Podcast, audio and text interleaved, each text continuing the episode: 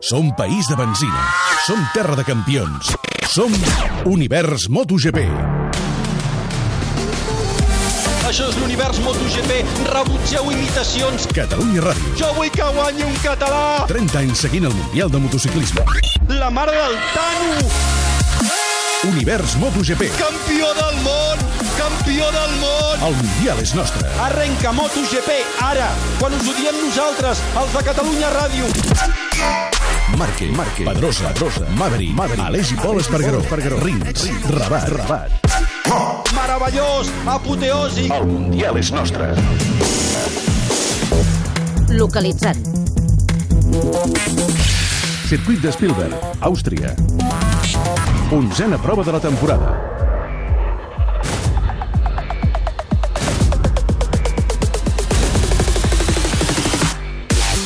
Fa una setmana al podi del Gran Premi de la República Txeca segur que s'hi podia escoltar un «Ei, felicitats, noi!» però així, eh?, en el nostre idioma. Després del podi íntegrament català de l'últim Gran Premi, les esperances en els pilots del nostre país es disparen, si no estaven ja prou altes. Els tenim tan amunt que fins i tot ens podríem atrevir a somiar en un podi de pilots d'aquí a la General del Mundial. Torre de control, Xevi Soler. Bona tarda i benvinguts a Univers MotoGP, onzena prova de la temporada des del Red Bull Ring des d'Àustria, un circuit que, de moment, no li ha portat sort a Marc Márquez i on haurem d'estar pendents del cel per veure en quines condicions climatològiques comencem. Ens acostem al tram final del Mundial i tots hauríem signat com estan les coses ara mateix a la General, amb Márquez primer i Maverick segon. I és que som país de benzina, som terra de campions, som Univers MotoGP. Pole position, Damià Aguilar. Bon dia des de Spielberg, Àustria, 22 graus de temperatura ambiental, alguns núvols, Marc Márquez vol trencar la general més apretada de la història. Centre de dades, Oriol Rodríguez. Esperem els vostres missatges amb el hashtag Univers MotoGP. Recordeu que entre tots els missatges rebuts sortejarem una estada de 3 dies i dues nits per a dues persones al complex turístico-esportiu de Berga Resort, com per exemple ja ha fet l'Arnau, que diu combinació perfecta, platja, Catalunya Ràdio i Marc Márquez a la Pol. Som i de Cervera i el tio ens fot enveja perquè ens envia una fotografia amb una samarreta amb el dorsal 93 i a la platja, al paio.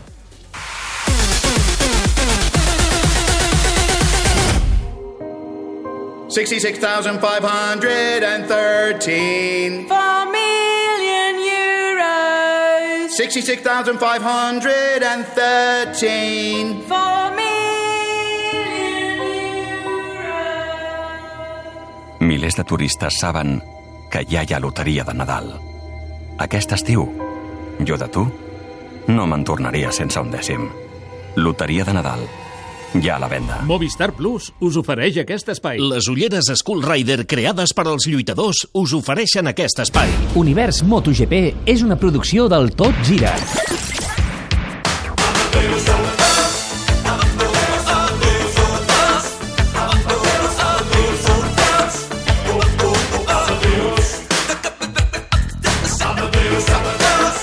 Passen 3 minuts de dos quarts de dues, som a Àustria, és curiós, fa pocs minuts amb el Roger Escapa al suplement estàvem parlant amb una immigrant catalana a Àustria també i hem fet un petit salt. Des d'aquí a l'estudi 5 de Catalunya Ràdio fins a Àustria on Damià, eh, tinc primer un dubte que m'has de solucionar. Eh, el circuit, no sé si nosaltres és millor que li diguem el Red Bull Ring, és Spielberg, com li hem de dir? Aviam, eh, la veritat és que si li diem... Aquest circuit és propietat de Red Bull, per tant és el Red Bull Ring, òbviament, però el, el Mundial de MotoGP també el coneixem per Spielberg, que és la població que queda just al costat del circuit. Mm, Jo crec que, que, que podeu podeu fer-ho de la manera com vulgueu. Potser Això- és que teniu una, una miqueta més de recança en donar el nom del, del propietari, us agrada més el poble, anem canviant. Això és el que passa en molts estadis de futbol, no? com per exemple Som Moix, que després era l'On Estadi, el que, els que són més romàntics, com jo, li direm a Spielberg, els que, els, si sigui igual, imagino que el Red Bull Ring també funciona. Des de l'estudi 5 també Lluís Costa. Lluís, com estàs? Bona tarda. Bon dia, què tal, com anem? Tu com li dius? Red Bull? Jo li dic Gran Premi d'Àustria.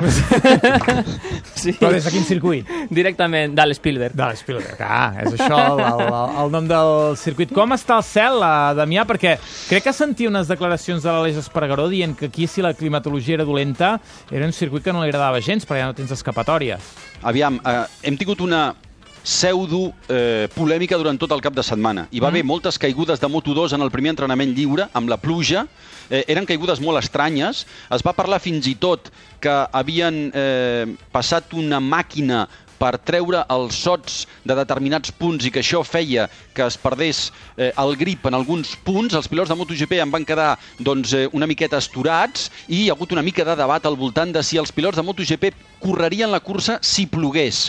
Eh, ja et dic jo que la correrien, però és cert que aquest circuit segurament haurà de fer algun, eh, alguna modificació en el traçat de cara a la pròxima temporada perquè sembla que l'asfalt no és del tot bo si la pista està molla. I seria, i així de clar, eh, perillós que, que, que fos així. Però plourà? No. Veus el No, cel no, ara?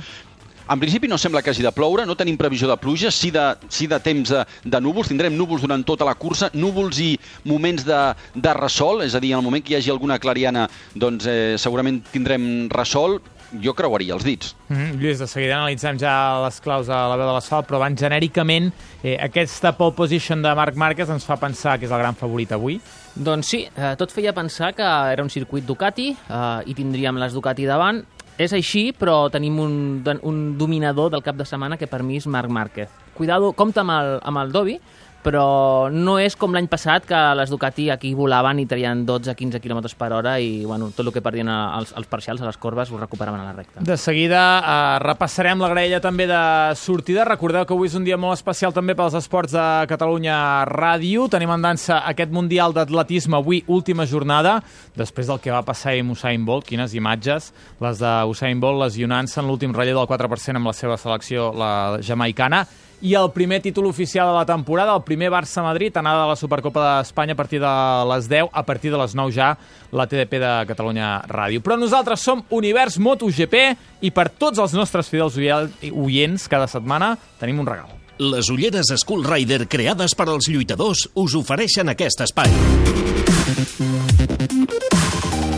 De fet, m'he equivocat. Tenim dos regals, perquè tenim, mm, podríem dir així, Oriol, dos sortejos. Un pels encertants de la porra i un altre per tots els comentaris. Així és, tots els comentaris opten aquest cap de setmana al Berga Resort per a dues persones i les persones que facin la seva porra del podi doncs poden guanyar són tan xules aquestes ulleres d'edició limitada Shark Jorge Lorenzo que sortegem aquest cap de setmana. Sí que ho són. Per exemple, el Joel diu un primer Márquez, segon Dovizioso, tercer Viñales, uh, l'Ivet diu primera, primer Dovi, segon Márquez, tercer Valentino. Hi ha molta gent que, evidentment, vol aquestes ulleres i que ja estan optant a, a dir la seva amb aquest podi. Veurem si algú l'endevina o no. A cap de setmana passat va costar que, que algú digués tres catalans. Moltes setmanes eh, en, ens costa. Mira com fa que sí el Lluís. El Lluís que li agrada també fer aquestes apostes, eh? Sí, però... Avui et mulles o no? Home, apostarem, però no ens jugarem res. Sempre perdo. Sí, si guanyes no guanyaràs la de Skull Rider, eh? Que això serà per algun del, dels, nostres, dels, Perfecte. dels nostres oients. Les ulleres edició limitada Shark de Jorge Lorenzo poden ser teves. Aconsegueix un record del Gran Premi d'Àustria endevinant el podi d'aquest GP. El model Shark de Skull Rider és un model jove, agressiu i dinàmic, a més d'una manera segura de protegir-te els ulls del sol de l'estiu. SkullRidering.com Passen 9 minuts a dos quarts de dues del migdia. Repassem la graella de sortida del Gran Premi d'Àustria. Tercera fila.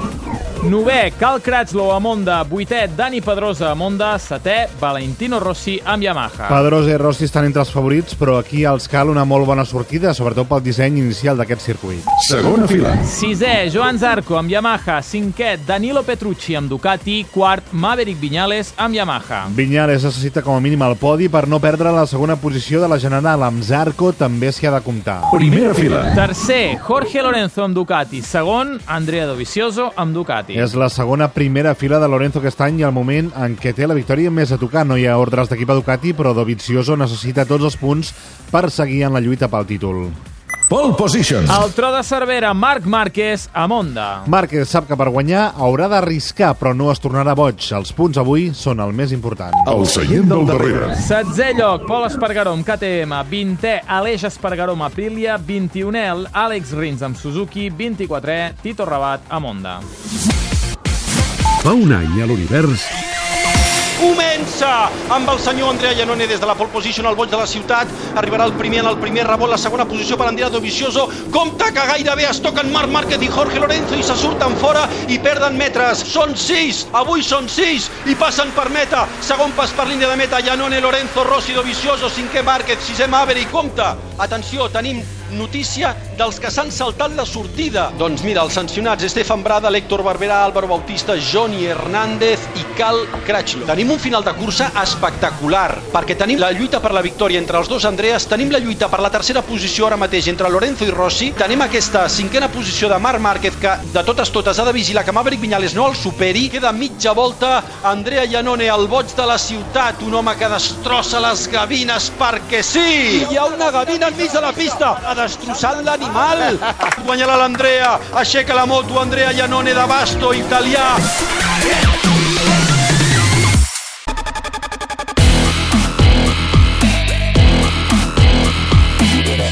un any era la mítica frase de destrossar l'animal. Eh? Va ser fa dos anys era amb el Austràlia, Llanone. per això. Ah, Austràlia, Llanone, perquè-. M'heu fet aquí una... Ga, ga, ga, gavines a Àustria Destrossat l'animal! M'heu fet un, un fals friend que, que es diu. és el Roger, que és molt de la conya. D'aquí a 19 minuts començarà aquesta cursa a Oriol, Moto2 i Moto3. Moto2 ha acabat fa ben poca estona amb l'Àlex Márquez allà lluitant fins Sí. al final per, per la victòria. Ha acabat segon al darrere de Morbidelli, setena victòria ja per l'italià aquesta temporada. Luti al tercer lloc, això vol dir que Morbidelli eh, continua com a líder, 207 punts, 26 més que Luti, augmenta l'avantatge, Márquez a la tercera posició a 54. Mm, Serà complicat que guanyi el títol tenint en compte que Morbidelli està fent una gran temporada. I a Moto3?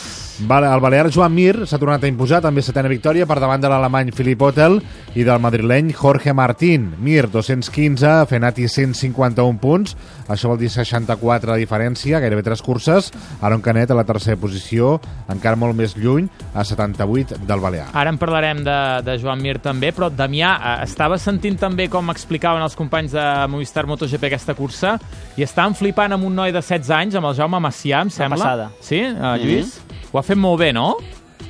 Home, la, la veritat és que el, el Jaume és un d'aquells pilots que apuntava moltíssim quan era molt més menut. Penseu que Macià va llestat amb 9 quilos perquè no arriba al mínim. És molt I com, petitet. I com els hi posen? Eh, els Plom. hi posen normal, normalment a la moto, A la amb moto, una eh? bola, amb una bola a la moto mm, i a, de vegades, si no n'hi ha prou, li posen el gep del pilot. El que passa és que és molt més complicat perquè aleshores Home. li generes unes inèrcies molt, molt bèsties. És millor intentar buscar el centre de gravetat de la, de la moto per posar-li tots els quilos. Lluís, amb 16 Però- anys, um, es pot fer, això? Sí, i tant, i tant. Uh, de pots fet, apuntar maneres, pots... Sí, sí. Fins i tot he vist un moment que se situava segon, em sembla. Sí, ha, ha fet la volta ràpida, de, bueno, ha fet rècord de la pista, que el rècord normalment es fa en cursa, ha fet uh, 36.4, i bueno, aquest nano jo el segueixo des de Red Bull Rookies Cup fa 3-4 anys, quan corria amb el Jorge Martín, inclús amb el Joan Mir, i apuntava maneres. Llavors va estar dos anys amb l'equip Montlau, al, al, CEP, al FIMCEP, a Monda, i el primer any ho va fer molt bé, company d'equip del Canet, i l'any passat no ho va fer tan bé. Llavors aquest any l'han baixat de la moto i ara està corrent amb, amb el Bancaja, amb l'equip del Miralles, amb, amb una KTM, i ho està fent molt bé. Llavors aquí estava substituint a, a Darren Binder, el germà del Brat, i ho ha fet, però, però superbé ho ha fet. L'important de tot plegat és que, primer, ha vingut a un circuit que no coneixia i ho ha fet molt bé, i després li hem vist coses en cursa que només fan eh, els, els veterans. Eh? De posar-se davant d'un tio veterà com Jorge Martín i tocar-se la cama com dient eh, vine a darrere meu que arribaràs, no? Eh, coses d'aquestes que, que estan molt bé. No sé si això l'ajudarà a co- a aconseguir una moto pel Mundial. Ara mateix té un nou mànager que, vaja, que es, es belluga bastant bé al paddock del Mundial, però vaja, crec que hauria Qui de és, prendre el una miqueta mànager? més. És el mateix mànager que té Jorge Lorenzo, per tant, Molt bé. eh, segurament... Li trobaran no moto, de fet tingui crec que ja la problemes. deu tenir. Una, una curiositat, Damià, quants són els quilos mínims? Ui, ara m'has agafat, espera, t'ho buscaré. T'ho buscaré perquè no recordo exactament la, la data. És pes eh, motopilot Sí. i ara t'ho busco, t'ho busco. No, era per saber quan pesava aquest noi de 16 anys. Res, fem temps, fem temps. Trending GP.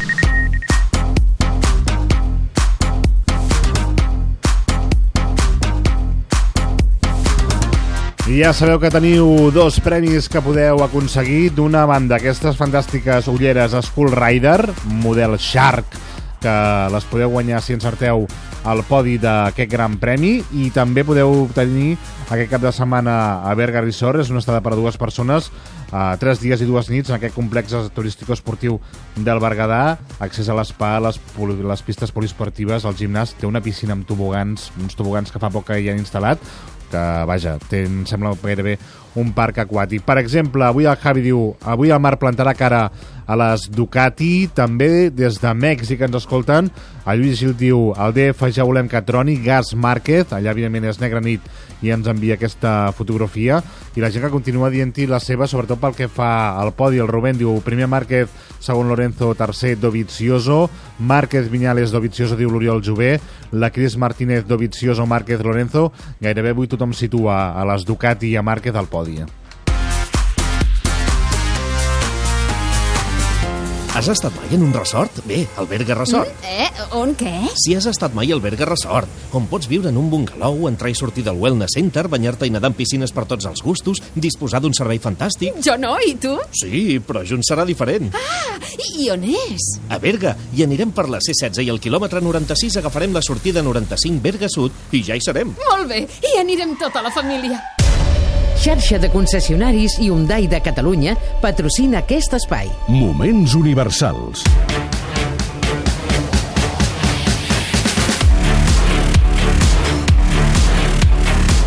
Avui un altre moment universal de la història del Mundial de Motociclisme. Aquest any, recordeu, us acostem la nostra fonoteca particular per celebrar els 30 anys que Catalunya Ràdio compleix seguint el Mundial. Ja sabeu que teniu a les llibreries el llibre A 300 per hora, molt recomanat, del Pere Flores i el Damià Aguilar, un llibre per descobrir els orígens, per saber com era el Mundial anys enrere i també com ha anat evolucionant. Avui recordem l'única victòria de Toni Elias a MotoGP.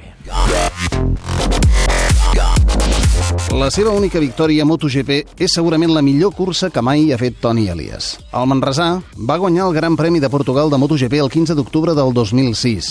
Amb una onda privada de l'equip Gresini, va creuar la meta només amb dues mil·lèsimes d'avantatge sobre Valentino Rossi i 176 sobre Kenny Roberts Jr. Rossi leads the way. Elias is there. Rossi under the fairing are absolutely side by side. They come over the start and finish line now. Who is going to win Elias! the race? And Tony Elias wins.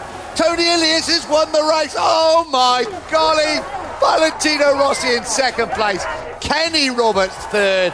What a performance by 23-year-old Tony Elias from Manresa in Spain. Ha estat increïble.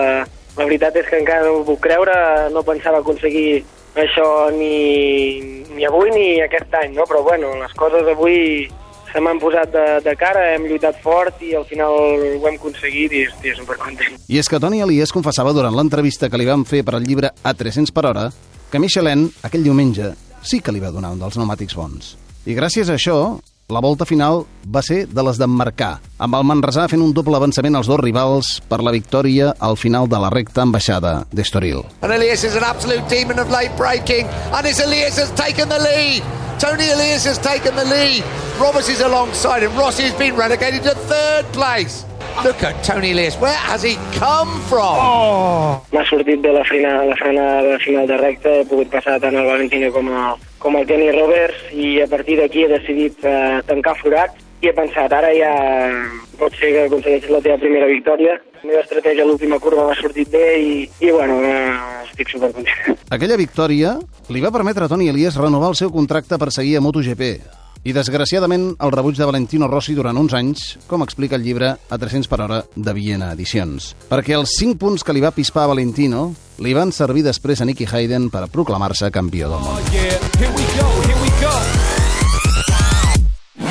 Onda Tauler, concessionari oficial Onda Barcelona, us ofereix aquest espai.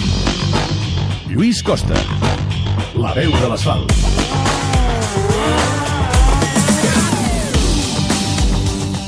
11 minuts perquè comenci la cursa. Repassem les claus d'aquesta cursa amb el, la nostra veu de l'asfalt, amb el Lluís Costa. El primer que ens sobta, Lluís, és que d'un any per l'altre hem passat d'un domini de les Ducati molt clar en aquest circuit a, de moment, eh, estem parlant només dels entrenaments, aquest domini de, de la Honda del Marc Márquez. Què ha passat?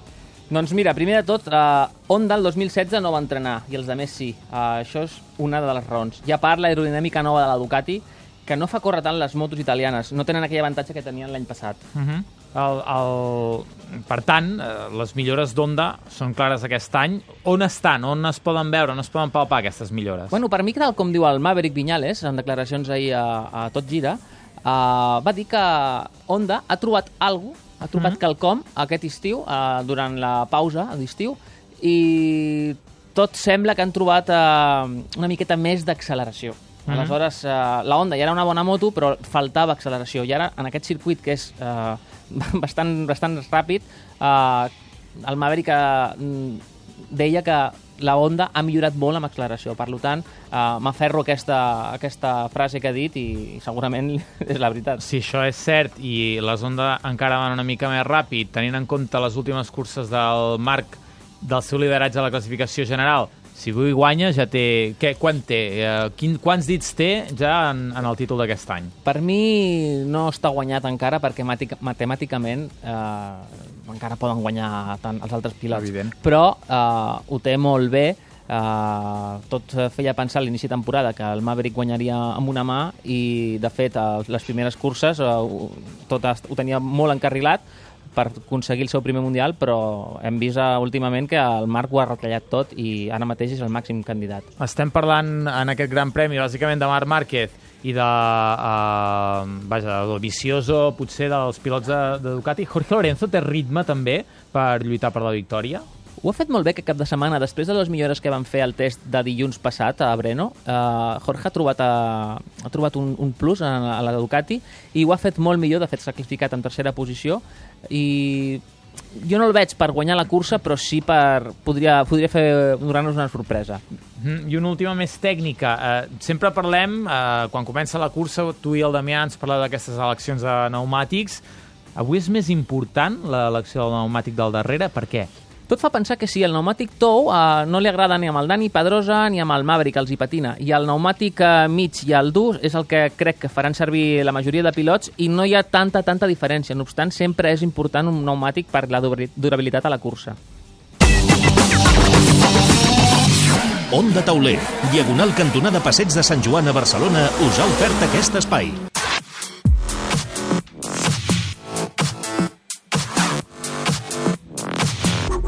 Damià Gol.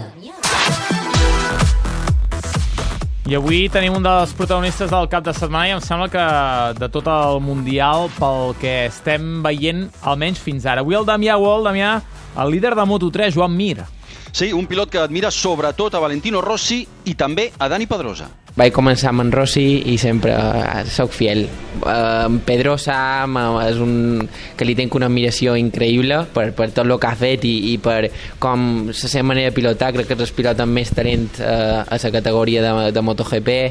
Eh, quali- qualitat és, és una qualitat perfecta i, i però bueno, té un té qualque hàndicap que, que no li deixa eh, estar en el millor en el nivell més alt del món sempre Amb el Joan Mir ha nascut una estrella. Aviat segurament podrà molar el també mallorquí, el seu compatriota Jorge Lorenzo. Podeu recuperar aquesta entrevista al web del programa catradio.cat barra MotoGP per conèixer com és el líder de Moto3. I aprofitant també, ja que tenim temps abans de que comenci el warm-up, per sentir Pablo Nieto, el fill mitjà d'Àngel Nieto, aclaparat de totes les mostres de suport que ha rebut els últims dies. Que de repente te llamen de un sitio y te digan, oye, Pablo, lo siento, no te podemos mandar más flores porque se han acabado las flores en Ibiza, es algo que se te queda la piel de gallina, ¿no? Y, luego otra anécdota que nos pasó es del, del tanatorio a la, a la iglesia, vino la Guardia Civil y nos dijo que nos iba a escoltar, Eh, yo ahí ya me quedé sorprendido, es que pararon Ibiza.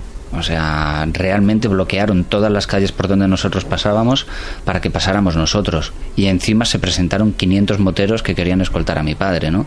Que nosotros no preparamos absolutamente nada. Se presentaron allí porque decían que querían se- eh, escoltar a mi padre.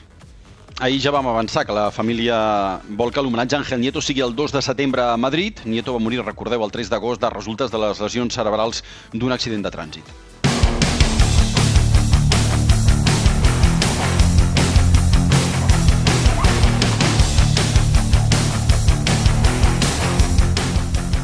5 minuts per les dues. Per cert, Damià, pregunta de nota eh, si em saps dir qui era el roquer o aquest paio amb una guitarra que estava... I No. què estava, si estava tocant l'himne austríac o no? Què estava És la fent? segona, és la segona que fallo ja. No, no, ho he estat buscant, ho he estat buscant perquè ho he vist i no l'he trobat, ho sento, aquesta no l'he trobat. Però sí que he trobat la dada que em demanaves Ah. abans del pes mínim de la categoria, que és pilot moto a Moto3, que són 152 quilos. Eh, Quan pesaria la una- moto? Pensa que una Moto 3, ajuda'm una mica, Lluís, jo diria que Sí. són uns 70 quilos, És aproximadament. que jo vinc del 125, no me'n recordo les Moto 3 ara. Doncs aproximadament és això. Pensa Però llavors els pilots han de pesar com a mínim 82? Ah, No, no, a veure, no, aquests ho esteu dient petitons són... No, perdoneu, perdoneu. Al voltant dels 100 quilos, perquè estem parlant de pilots Ah. d'uns 50 quilos. Correcte. El, el Jaume pesa menys que això segur i per això porta, com dèiem, aquests 9 quilos de llast, tot i que ha arribat a portar fins a 18 quilos de llast Jaume Macià en, en curses del, del Campionat d'Espanya. El pes mínim de, de Moto3 són 152 amb el pilot i el pes mínim de Moto2, per exemple, són 217 juntament amb el pilot. Però ja sabeu que aquest, aquesta gent estan bastant obsessionats amb el pes i intenten doncs, no tenir ni un gram de greix en el cos. Clar, això és una cosa que sempre em preguntava, per què els pilots de motos són tan petits i normalment triomfen pilots com el Marc Márquez, que es veuria tan poqueta cosa, quan eh, pels eh, que no hi entenen res suposo que diran, no, però això és pitjor perquè a la moto els va, els du no, vol. això amb, amb les motos petites, amb el que era el 125 i el Moto3, influeix moltíssim. De fet, eh, pensa les curses de cavalls, els jockeys són, són, són atletes eh, molt, molt, molt petits amb molt poc pes, inclús es cuiden molt amb la dieta. Llavors, quan ets, un, quan ets nen, quan tens 14 o 15 anys i ja estàs pujat a una Moto3, sigui el campió d'Espanya o ja passis al Mundial, eh, és molt, molt important doncs, doncs el pes, perquè quan, més, quan menys pes peses, la moto corre més, però clar, des de que s'ha fet la, el, reglament, el reglament amb un pes mínim, o un pes, perdó, màxim, eh, pilot moto, doncs les coses varien. Però antigament, quan no hi havia aquest, aquest reglament, era boníssim pesar poc. Mhm, De, de fet, ajudeu-me amb pilots, ja no dic pesats, dic alts, per exemple, Valentino Rossi. Valentino. Ah, bueno, Home, a, a l'Aleix, al Redding... El més alt, sí, el més alt és l'Oris Bas, que estem parlant Sí. de metre 90, Valentino fa gairebé metre 90, l'Aleix també eh, està amb més de metre 80, clar, són pilots, clar, Valentino, no, no direm que la seva alçada és un hàndicap ni molt menys, en canvi, la- l'alçada de Dani Pedrosa sí que és un hàndicap i sempre hem d'alguna manera establert una mena d'alçada tipus eh, bona de cara a MotoGP i estem parlant de Stoner, de Márquez o de Lorenzo, pilots al voltant del metre 70, que seria diguem-ne, l'alçada ideal. No, no només això, 1,75 m també, òbviament, però potser una mica menys ja és un hàndicap. Mm, de seguida eh, ja tornem a repassar aquesta graella i ens centrem ja en aquesta cursa perquè és a punt el warm-up, em deies, Lluís? Sí, fem, Aixeca, aixeca el dit fem, com al fem, col·le. la, fem la porra, no? Va. Entre nosaltres. Tu, tu, tu vols mullar-te i fracassar, eh? Sí, sí, sí, Vinga, clar. va, Lluís Costa, porra d'avui. Vinga, jo dic uh, Márquez. Dobi, Viñales. Márquez, Dobi, Maverick. Jo Damià. també, el mateix, jo el Sí? mateix. Márquez, Dobi, Viñales, sí. Va, Oriol. Dovizioso, com sempre. Márquez Viñales. Mm. Márquez, Viñales. Segon cap de setmana consecutiu que, port, que apostes per Dobi. Bé, Sí, bé, bé, està no, bé. jo, jo diria que és el cinquè. Me'ls apunto i no em mullo. Cap dels tres té opcions de guanyar aquestes ulleres Skull Rider perquè seran per algun dels nostres oients. De seguida estic amb aquest warm-up, però abans deixeu-me una notícia d'última hora que ens arriba ara mateix perquè relacionada amb l'òrbita del Barça, el Guangzhou Evergrande, ja ho sabeu, aquest equip xinès del jugador Paulinho, un jugador que ja explicàvem que és a punt de fitxar pel Barça, ha deixat fora de l'alineació el jugador brasiler la premsa brasilera ja està apuntant que és camí de Barcelona per eh, acabar de tancar en les pròximes hores el seu fitxatge pel Barça. És notícia d'última hora. El Guangzhou Evergrande ha deixat fora Paulinho de la seva alineació pel partit d'avui i la premsa brasilera apunta que estarà camí de Barcelona. Ja sentint de fons com ha començat el warm-up d'aquest Gran Premi d'Àustria.